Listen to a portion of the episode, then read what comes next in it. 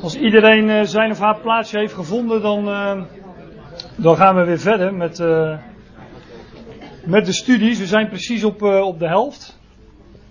twee studies gehad, nog twee te gaan. En um, ja, ik mag voortbeduren op het voorgaande. En u iets vertellen over opstanding uit de doden. En als ik zo kort zou moeten uitleggen wat opstanding uit de doden is, dan hebben we het over. Er zijn mensen in de dood en daar tussenuit staan er dus mensen op. Het, een opstanding van tussen de overige doden uit. Heeft de schrift daar een, eh, een definitie voor? Nou, niet, uh, niet direct, niet van een definitie als opstanding uit de doden is, dubbele punt. Maar er worden wel wat dingen over gezegd, waardoor we dat begrip toch wel, uh, wel goed, uh, goed kunnen definiëren. En we vinden dat bijvoorbeeld in, in Openbaring 20. Dit, dit vers is al eerder naar, voren gekomen. Er zullen nog wel meer versen in mijn presentatie voor het voetlicht komen die ook al eerder naar voren zijn gekomen.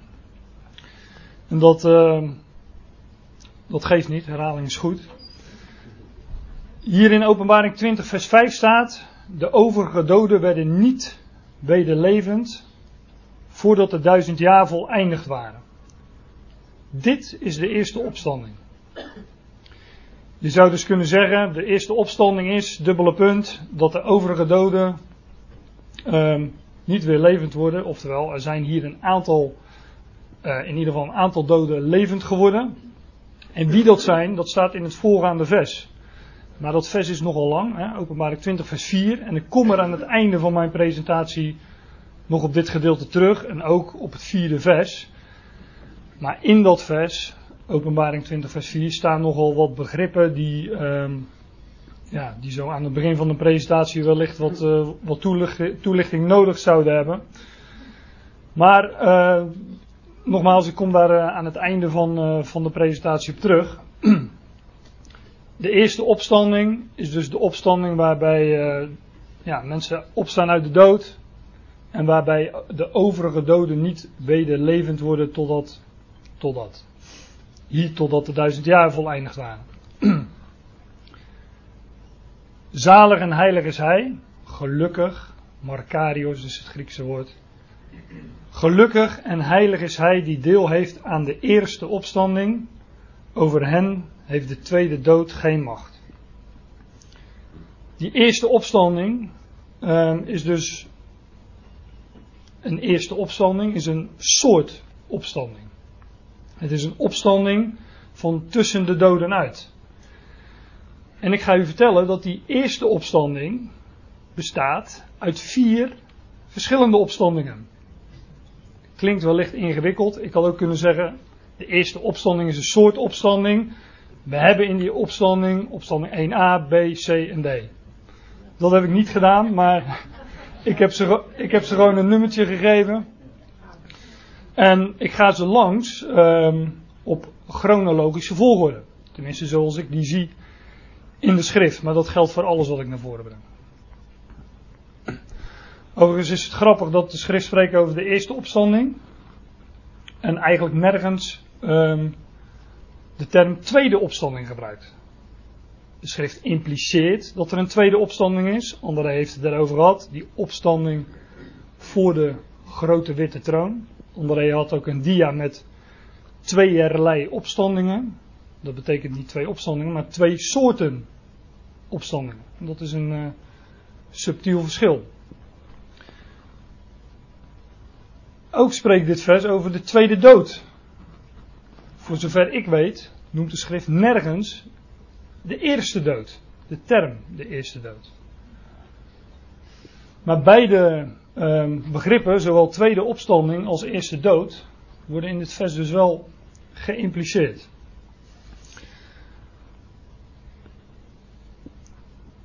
Nogmaals, ik. Uh, ja, ik ga u wat vertellen over opstanding uit de doden, over levendmaking van, uh, van doden, een opstanding van tussen de overige doden uit. En 1 Korinthe 15 is al uh, eerder naar voren gekomen. dit vers zou, de, ja, dat zou je de samenvatting van, uh, van deze dag kunnen noemen. Als u nou niks onthouden hebt van wat er verteld wordt vandaag, onthoud dit vers en ja, u weet in ieder geval de rode draad en Gods plan met elk mens. Evenals in Adam allen sterven, zo zullen ook in Christus allen levend gemaakt worden. Het spreekt van de rijkwijde van die opstanding. Niemand ontkomt daaraan. En dat is een goed bericht. Maar ieder in zijn rangorde.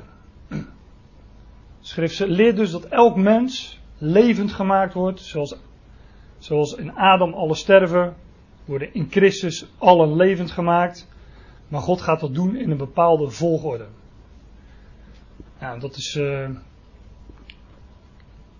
dat weten wij ook wel, dat er een volgorde is, want wij weten ook dat Christus, dat is ook eerder genoemd, dat Christus nu al is opgewekt uit de doden. Hij is nu de enige die dat leven heeft ontvangen. Dat leven waarover 1 Korinthe 15 vers 22 spreekt. Dat is het leven, André zei het ook al, uh, hij is opgewekt in onvergankelijkheid, heerlijkheid en kracht. Of zoals bijvoorbeeld Romeinen 6 dat zegt, de dood heerst niet meer over hem. Het is leven waarover de dood geen heerschappij meer heeft. En dus Christus uh, sterft niet meer. Dat staat ook in Romeinen 6.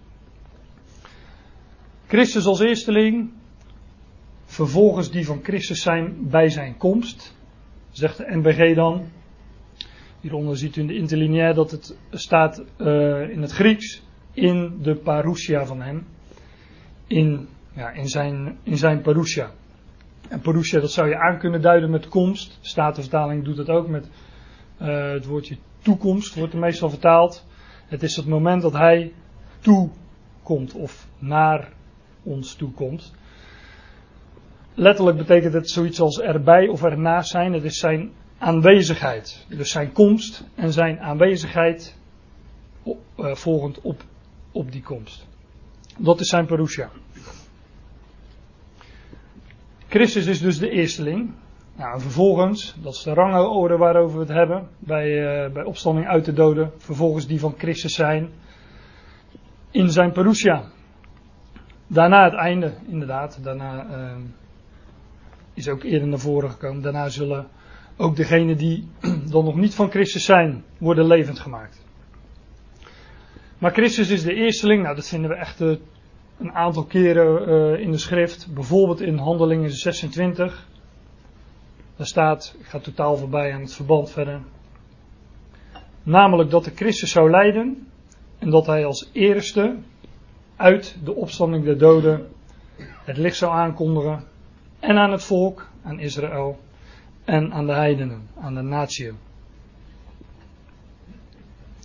Christus is de eerste die is, ja, die is opgewekt met dat onvergankelijke leven. Dit is een van de voorgaande versen uit de, uh, 1 Korinthe 15, vers 20. Ook daar wordt gesproken over Christus. Maar nu Christus is opgewekt uit de doden, als eersteling van hen die ontslapen zijn.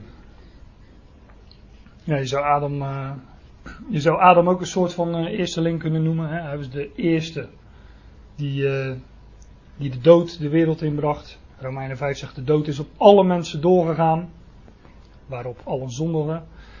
En Christus is de garantie voor dat levendmaking ja, tot alle mensen doorgaat, om het uh, met die terminologie te zeggen.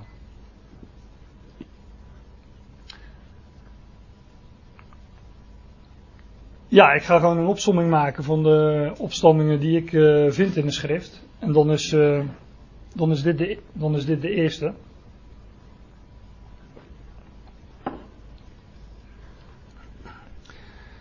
De tweede gelegenheid waarbij uh, doden opstaan, waarbij je dus een plaats, uh, waarbij je dus een opstanding uit de doden plaatsvindt, dus een opstanding met achterlating van de overige doden. Die vinden we in deze vers in 1 Thessalonicense 4. Daar staat, wij willen u niet onkundig laten, broeders, wat betreft hen die ontslapen, opdat gij niet bedroefd zijt zoals andere mensen die geen hoop hebben. Paulus die schrijft aan Thessalonicense, hij was een aantal weken bij hen geweest, vrij kort. En hij uh, heeft welke vragen gehad over, ja, als nu de Heer komt, hoe zit het dan met degenen die al ontslapen zijn? Broeders en zusters, geliefden van ons, die zijn ontslapen, hoe zit het daarmee? Nou, wellicht heeft u ook uh, mensen die, uh, die ontvallen zijn. Nou, Paulus zegt, zegt ik, ja, ik wil u niet onkundig, onwetend laten uh, over hen die ontslapen zijn, opdat gij niet bedroefd zijt, zoals de andere mensen die geen hoop hebben. Wij hebben een verwachting, wij hebben een hoop. Ja, wanneer je die niet hebt, dan, dan is dat inderdaad het eindpunt, de dood. Maar als je die wel hebt, heb je hoop, heb je verwachting. Ik sla dan één vers over het veertiende vers, om des tijds willen. Dan staat er vervolgens, want dit zeggen wij u met een woord des Heren, dus met een woord van de Heer. Wij levenden die achterblijven, zegt de MBG-vertaling, tot de komst des Heren. Wij zullen in geen geval de ontslapenen voorgaan. Statenvertaling heeft zoiets als uh, wij uh, levenden, de overgeblevenen. Dit woordje, peri uh, leipomenoi. Ik heb dat nagekeken, dus ik, ik, weet dat, uh, hoewel mijn uitspraak waarschijnlijk niet de juiste is. De interlineair heeft dat vertaald met overlevenden, of overlevenden. En dat is natuurlijk ook zo, want zij zijn overlevenden ten opzichte van hen die ontslapen zijn. Het gaat over de, de komst van de Heer. En op dat moment zijn er dus inderdaad overlevenden en er zijn er die ontslapen zijn op dat moment. Maar zegt Paulus, uh, we zeggen dat u met een woord van de Heer, dat wij de levenden die, de overgeblevenen, of de overlevenden, tot de komst des Heren, tot in de aanwezigheid van de Heer, tot in de parousia van de Heer. Wij zullen in geen geval de ontslapenen voorgaan. Daar hebben we het over. We hebben het over dood en opstanding. Opstanding uit, uit de doden. We zullen in geen geval de ontslapenen voorgaan. En dan herinner ik u even aan de woorden in, in 1 Korinthe uh, 15. Daar staat Christus de eersteling. Hè, en vervolgens die van Christus zijn in zijn parousia. Wij levenden die overblijven tot in de parousia van de Heer. Wij zullen in geen geval de ontslapenen voorgaan. Want de Heer zelf zal op een teken bij het roepen van een aartsengel en bij het geklank van een bezuin Gods neerdalen van de hemel. Hoewel al deze details um, heel interessant zijn en ook veelzeggend over, uh, over, over dit moment, over deze gebeurtenis, ja, kan ik er gewoon niet op, uh, niet op ingaan. Um, wel zeg ik even dat een aartsengel is uh, de aartsengel, volgens Judas vers 9, en dat is Michael. En ik zeg dat even omdat ik straks nog in een, uh, op een schriftplaats kom waar ook gesproken wordt over Michael. De Heer zelf zal op een teken, letterlijk staat zoiets als een bevel, bij het roepen van een aartsengel, bij het geklank ener bezuingods, neerdalen van de hemel en zij die in Christus gestorven zijn, zullen het eerst opstaan. Opstanding dus. Opstanding uit de doden. En letterlijk staat hier, de doden in Christus die zullen eerst opstaan, zegt Paulus, ten opzichte van degene die levend zijn overgebleven. Tot in de parousia van de Heer, zoals zijn de voorgaande versen zijn. Die in Christus gestorven zijn, die zullen dus eerst opstaan. De doden in Christus. Nou, wie zijn, wie zijn de doden in Christus? Dat zijn zij die, hè, zoals bijvoorbeeld de Romeinen 6 zegt, in Christus Jezus gedoopt zijn. Ze zijn één met Christus Jezus. Met Hem gestorven, met Hem begraven, met Hem opgewekt. En zelfs met Hem in hem, ja, met hem gezet in de hemel. Maar dat is geen Romeinen, dat is weer uh, Efeze. En Paulus zegt bijvoorbeeld ook in, uh, in de tweede Korinthebrief, wie in Christus is, die is een nieuwe schepping. Hier gaat het over doden in Christus, dat zijn zij die, uh, zoals, zoals, de, zoals de, het vers zegt, ja, zij zijn in Christus gestorven. Zij zijn één met hem en ehm, zijn gestorven, ze zijn dood. Maar zij zullen eerst opstaan. Ik heb volgens mij het volgende vers er niet bij, maar dat lees ik er even bij voor de, voor de volledigheid. Dat is vers 17 dan van, uh, van 1 Thessalonicense 4. Dan staat er dat de doden in Christus eerst zullen opstaan en daarna wij, de levend overgeblevenen, zullen tezamen met hen, dat staat in de Statenvertaling, opgenomen worden in de wolken. Letterlijk staat er wegge, weggerukt worden, weggegrist worden. In de wolken de Heer tegemoet in de lucht. En alzo zullen wij altijd met de Heer wezen. De doden in Christus zijn zij die één zijn met hem. Ze behoren tot zijn lichaam, het lichaam van Christus. Zij zullen op het moment van zijn komst, zullen zij die gestorven zijn in Christus, zullen opstaan en tezamen met de levend overgeblevenen weggerukt, weggegrist worden in wolken, de Heer tegemoet in de lucht. Zo zegt het gedeelte.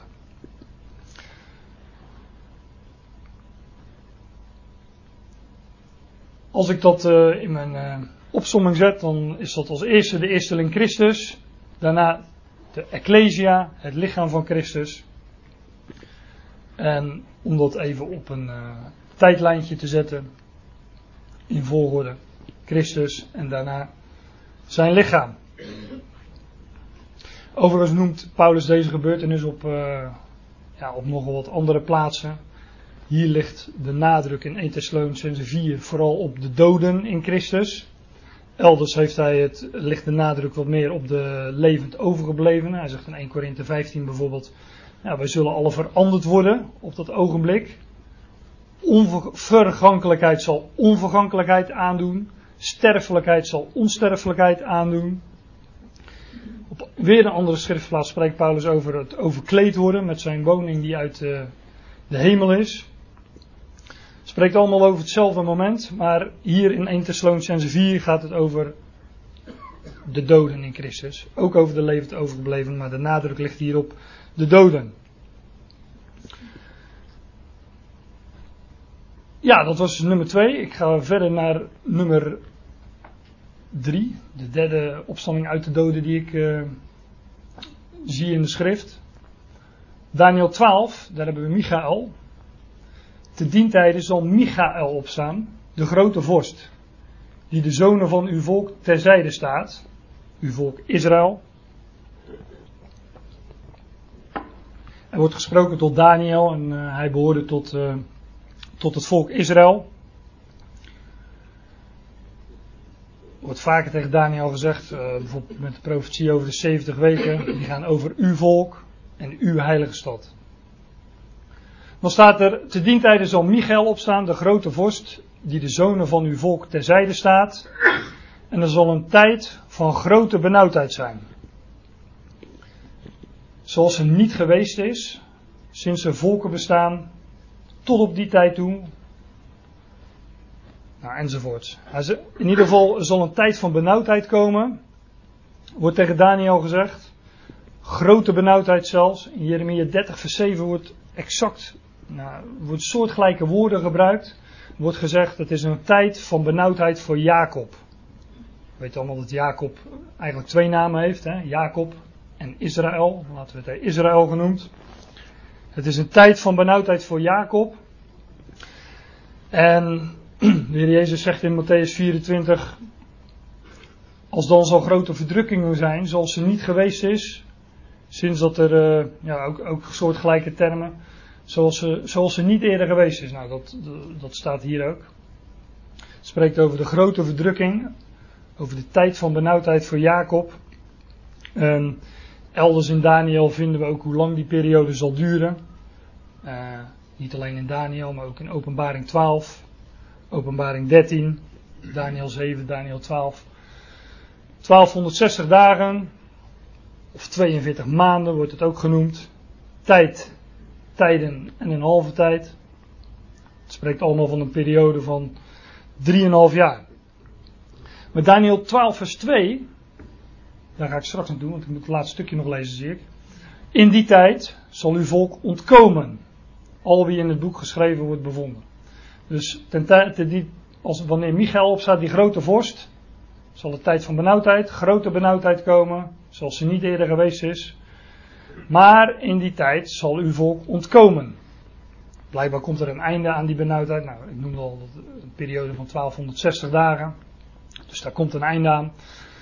En dan maakt het volgende vers. Zegt dan iets over opstanding. Velen van hen die slapen. Hè, als uh, metafoor voor, de, voor, voor dood zijn, voor in de dood zijn. Velen van hen die slapen in de stof der aarde, zullen ontwaken. Deze tot eeuwig leven, en gene tot versmading, tot eeuwig afgrijzen.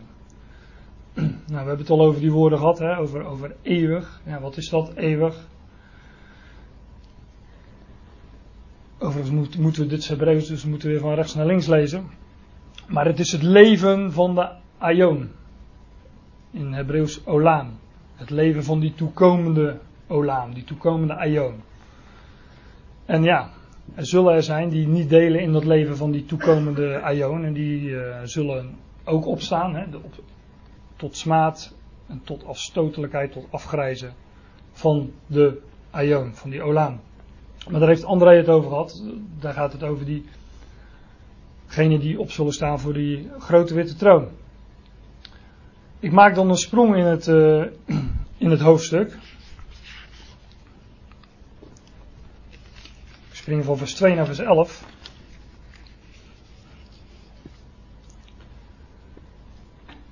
En van die tijd af, dat het dagelijks offeren wordt gestaakt en een gruwel wordt opgericht, die verwoesting brengt, zijn het 1290 dagen.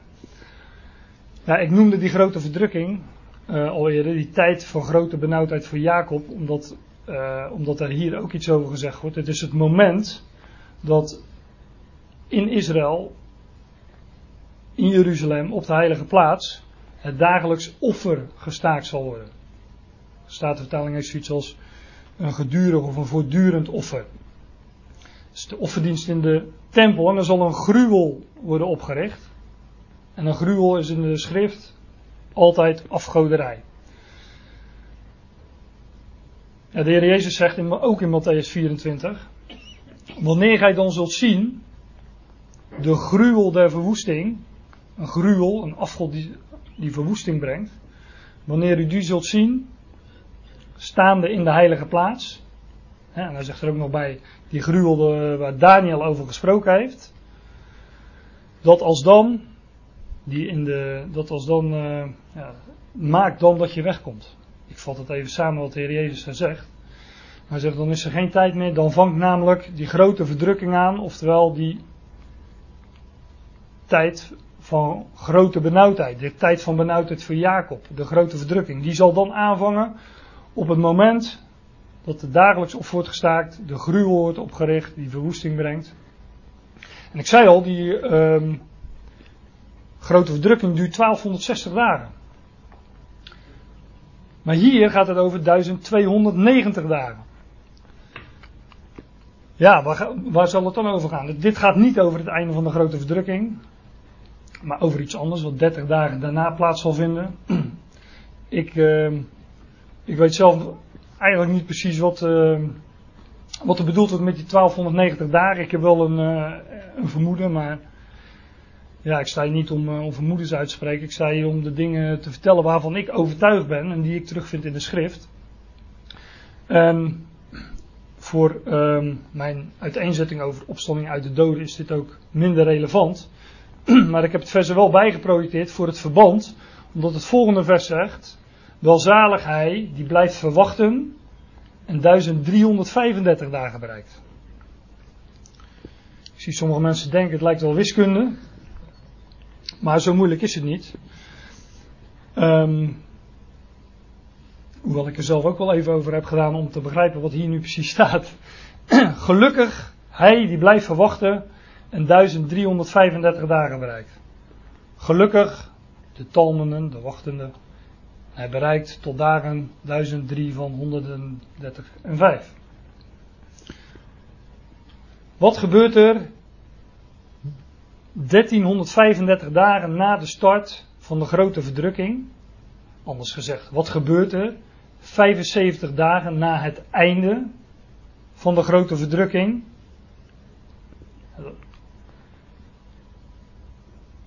Ga, maar gij gaat het einde tegen. Jij gaat tot het einde, hè, wat door Daniel gezegd. En gij zult rusten en opstaan tot uw bestemming aan het einde der dagen. Wordt tegen Daniel gezegd: Daniel, jij ga tot het einde en rust. En jij staat op tot, tot jouw lot, tot jouw bestemming. Aan het einde der dagen. Nou, wat was Daniels lot? Wat was Daniels bestemming? Wat verwachtte Daniel? Daniel verwachtte opstanding uit de doden. Hij zou opstaan uit de doden. En hij zou delen in het koninkrijk van de Messias van Israël. En dat wordt tot, tot Daniel gezegd. Ga maar rusten tot het einde van die dagen. Maar tot het einde van welke dagen? Nou, ik geloof dat dat het einde van die 1335 dagen is. Dat Daniel opstaat op dat moment, 75 dagen na de grote verdrukking, zullen de doden opgewekt worden. De, ja, ik noem het vaak even om het makkelijk te maken, de oud-testamentische gelovigen. Maar die vlag dekt niet de hele lading, want het zijn de doden van Adam tot Christus. Tot aan Christus en zijn lichaam. Daniel zal hier opstaan, wordt er gezegd, in het einde der dagen, 1335 dagen na Uh, nu ben ik te ver. Na dat de dagelijks offer wordt gestaakt. En na dat er een gruwel wordt opgericht die verwoesting brengt. 1335 dagen daarna zal Daniel opstaan. En dus met hem ook die oud-testamentische gelovigen, die gelovigen van Adam tot Christus. En dat wordt in Lucas 14 bijvoorbeeld genoemd de opstanding der rechtvaardigen. De term is al even gevallen vandaag. En de opstanding te leven. En die is ook al gevallen.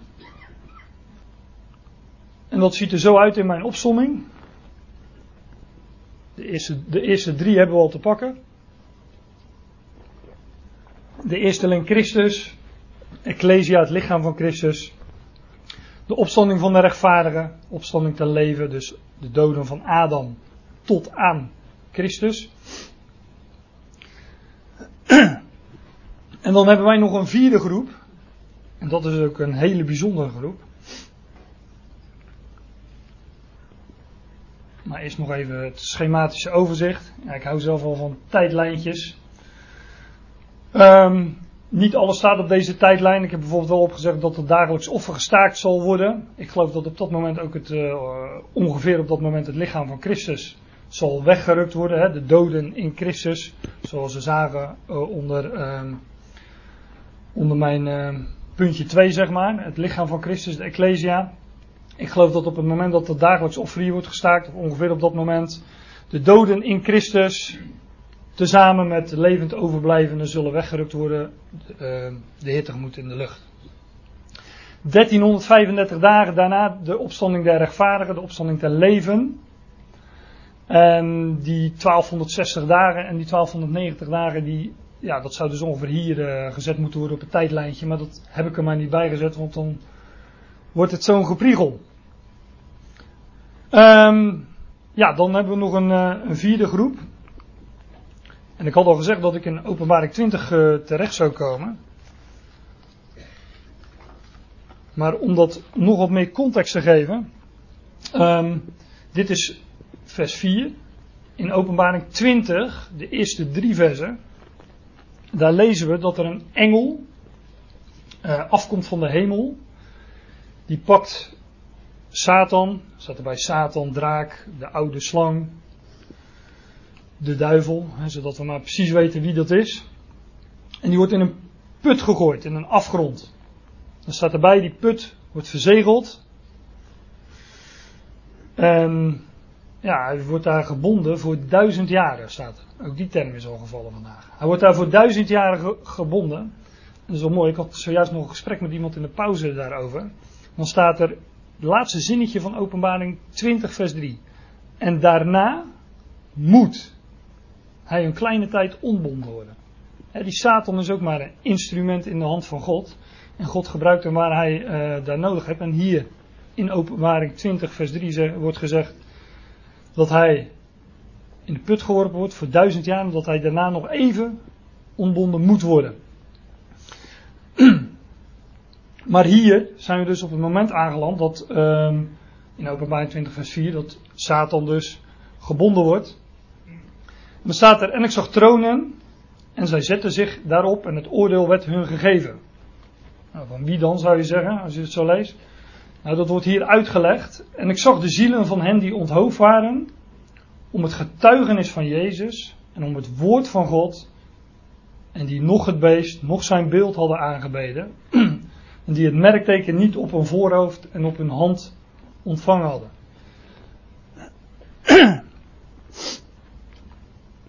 Ik zei al, uh, helemaal aan het begin van mijn presentatie, er, zitten nogal wat uh, details in dit vers. Maar er worden dus mensen onthoofd om hun getuigenis, het getuigenis van Jezus, omdat zij hem beleiden, hè, Yahweh red. En om het woord van God. En er staat er ook nog bij, zij hebben het beest en zijn beeld niet aangebeden. Nou, dat beest en zijn beeld, hè, we hadden het net over een gruwel die verwoesting brengt. Daar gaat het hier over, dat is zijn beeld, hè, die gruwel. En die beest is een, uh, ja, een figuur uit de eindtijd die, uh, um, die zichzelf zal laten aanbidden alsof hij God is. Hij zal zichzelf in de tempel zetten en zichzelf laten aanbidden alsof hij God is. Maar dan ben ik weer in 2 Thessalonicense 2 en daar wordt, hij de, daar wordt hij de mens de wetteloosheid genoemd. Hier wordt hij het beest genoemd. En hier staan zielen op die onthoofd waren. Ze hebben hun getuigenis van Jezus en, het, en om het woord van God hebben zij met de dood moeten bekopen. Ze hebben met de dood moeten bekopen dat zij nog het beest, nog zijn beeld hadden aangebeden en geen merkteken op hun voorhoofd en op hun hand ontvangen hadden. En ze werden weer levend. Dus zij worden opgewekt.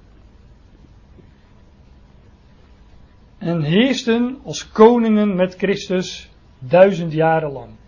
Letterlijk duizend jaren. Oftewel, die duizend jaren die we eerder in het hoofdstuk tegenkomen, die duizend jaar tot Satan gebonden is. Christus is dan koning in zijn koninkrijk hier op aarde, in deze oude schepping. En zij heersen, heersen, heersen. Zij heersen als koningen met Christus uh, die duizend jaren.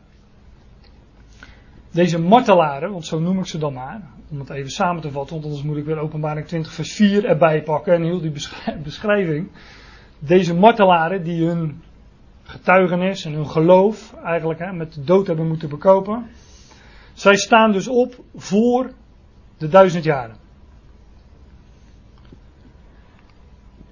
De overige doden werden niet wederlevend voordat de duizend jaar voleindigd waren. Dit is de eerste opstanding. Het is dus de eerste opstanding maar de laatste in de reeks. Om het zo even te zeggen. De laatste in de reeks opstanding, opstandingen uit, uit de doden. Die eerste opstanding is dus een soort opstanding. Is een opstanding uit de doden. Is een opstanding waarbij de overige doden uh, niet weer levend worden. en het is de opstanding, zoals 1 Korinthe 15. Ik gaf dat helemaal aan het begin aan van mijn presentatie die 1 Korinthe 15 noemt, die van Christus zijn in zijn parousia.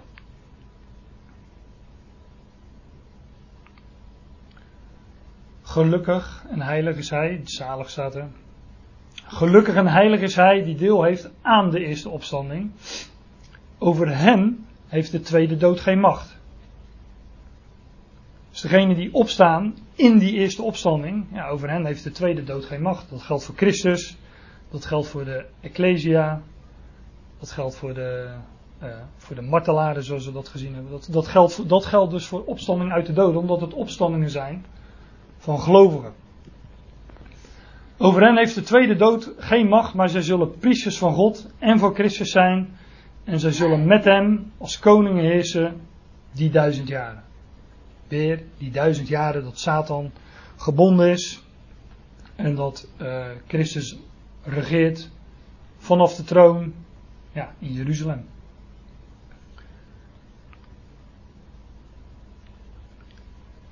De eersteling Christus, de Ecclesia, het lichaam van Christus, opstanding van de rechtvaardigen zoals Daniel. En de opstanding van de martelaren, en ik heb het even wat uitgebreid. De opstanding van de martelaren uit de grote verdrukking en uit de grote dag van zijn toorn. En dat moet ik misschien nog even toelichten, want de grote verdrukking, heb ik al eerder gezegd, is een periode van 1260 dagen. De, die wordt bijvoorbeeld in Openbaring 6 beschreven als zeven zegels. En ik zie dat ik nog een tijd over heb, dus ik, ik ga heel even naar Openbaring 6. Als u een Bijbel bij u heeft, uh, blader even mee. Zo niet, dan, uh, dan lees ik het gewoon voor. In openbaring 6 worden zeven zegels geopend. Die uh, zegels, nou die brengen, die zorgen ervoor dat vers 4, het tweede zegel, de vrede weggenomen wordt van de aarde.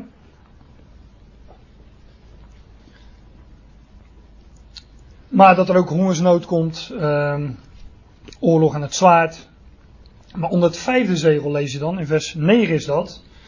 Ik lees overigens vooruit de Statenvertaling.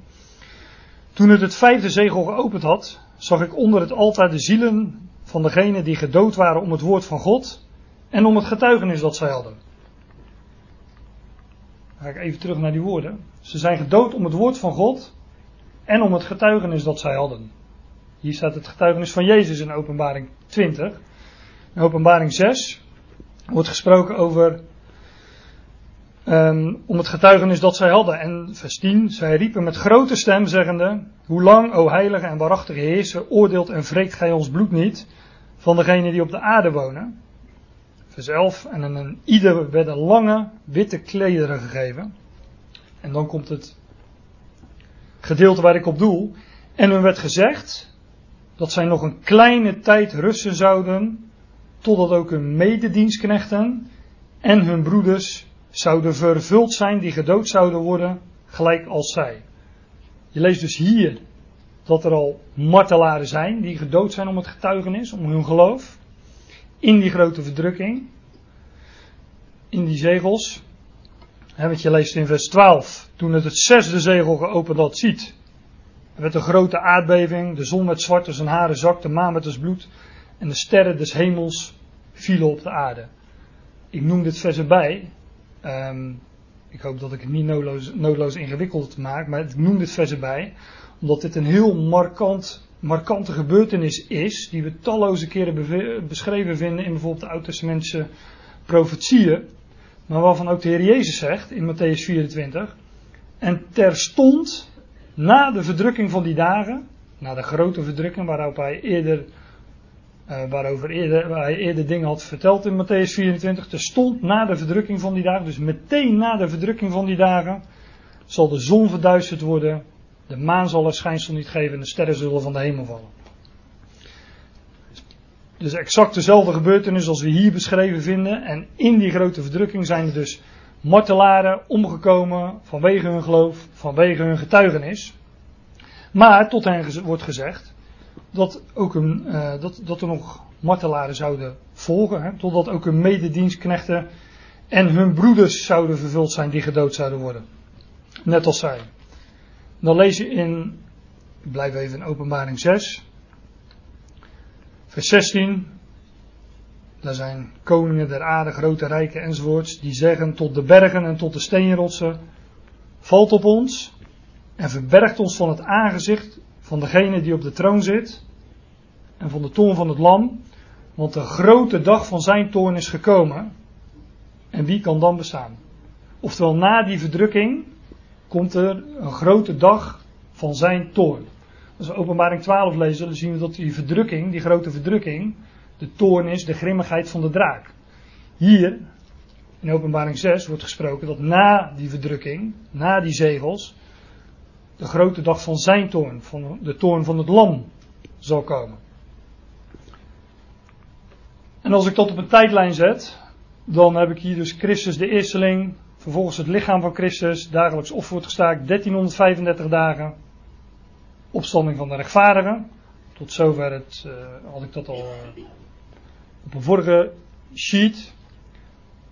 Na die 1260 dagen, na die grote verdrukking, volgt de dag van zijn toren. En hier zullen de martelaren opstaan, waarvan we lazen in Openbaring 20. En die priesters van God zullen zijn en van Christus en met hem als koningen zullen heersen die duizend jaren.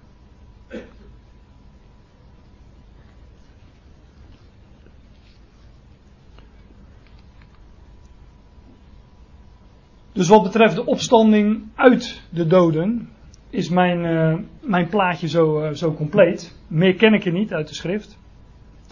En um, ja, André heeft al aangegeven wat er met, met de overige doden gebeurt. Nou, dat lees je dus in het, uh, in het vervolg in openbaring 20. Hè, wanneer de duizend jaar zullen geëindigd zijn, staat daar ook. Er worden echt ehm, heel specifiek tijdstippen genoemd in vers 7, wanneer de duizend jaar zullen geëindigd zijn, dan zal die Satan weer uit zijn gevangenis, uit die afgrond, uit die put, worden losgelaten. En na een tijd van duizend jaar vrede, men noemt dan, dan ook het duizendjarig vrederijk, hoewel je die term niet in de schrift vindt. Maar na die duizend jaar zal Satan ontbonden worden uit die put.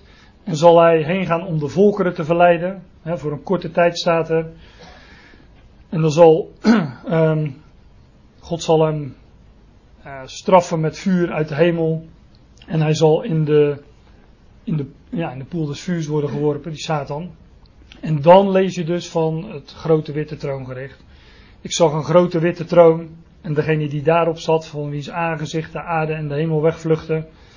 Dan staat er vervolgens, en ik zag de doden. Ze worden overigens nog steeds doden genoemd. Hè, dus blijkbaar een, uh, een andersoortige opstanding dan de opstanding uit de doden. Want de opstanding uit de doden is een levendmaking.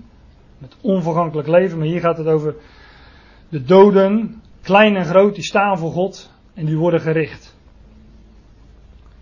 En dan lees je vervolgens dat zo iemand niet gevonden werd, geschreven in het, te zijn in het boek des levens. Die werd geworpen in de poel des vuurs. In de poel des vuurs staat in vers 14 van openbaring 20, maar ook in openbaring 21. Het achtste vers, dat is de tweede dood. En we lazen dat over die eerste opstanding de tweede dood geen macht heeft. Maar over de opstanding die we hier lezen voor de grote witte troon, hè, zij die niet bevonden worden geschreven te zijn in het boek des levens, zij worden geworpen in die poel des vuurs, dus in de tweede dood. En over hen heeft die tweede dood dus wel macht. Dus over de tweede opstanding zou je kunnen zeggen, hoewel die term niet in de schrift voorkomt, maar hem wel impliceert over die tweede opstanding heeft de tweede dood wel macht. Maar zoals we ja, in 1 Korinthe 15 ook lazen, hè, dat, uh, volgens mij hebben we alle drie nu, uh, de, alle tweede voorgaande sprekers en ik, dat vers naar voren gebracht. 1 Korinthe 15 vers 22, daar staat dat allen die in Adam sterven, evenals in Adam allen sterven, in Christus allen worden levend gemaakt. Die dood is een vijand, maar die vijand wordt overwonnen. Daar wilde ik het bij laten.